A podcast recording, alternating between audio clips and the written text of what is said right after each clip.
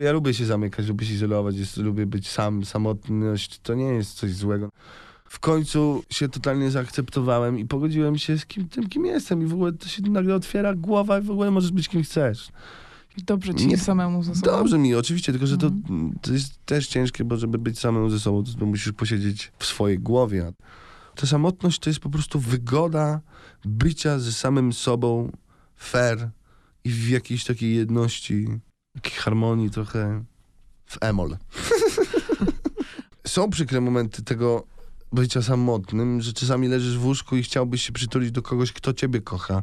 Bo to, że ty kogoś kocha, to jest jedno, to ty to wiesz. Nie musisz sama sobie tego udowadniać. Po prostu coś czujesz i, albo masz świadomość tego, że tak jest. Mhm. Tylko, że czasem jak leżysz w łóżku i brakuje ci tego, że ktoś cię przytuli, wiesz, że ten ktoś ciebie kocha, no to jest przykre w byciu tym samotnym.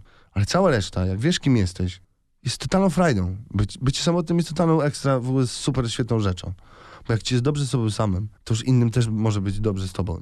Dlatego tęsknię za momentami, kiedy po prostu przyjeżdżam do mojego syna i on ma swój pokój oczywiście, ale on dynda w ogóle w nocy do, do mnie do łóżka i mnie przytula. Mhm. I to jest tak wzruszający moment, że no, ciężko jest nie uronić łzy.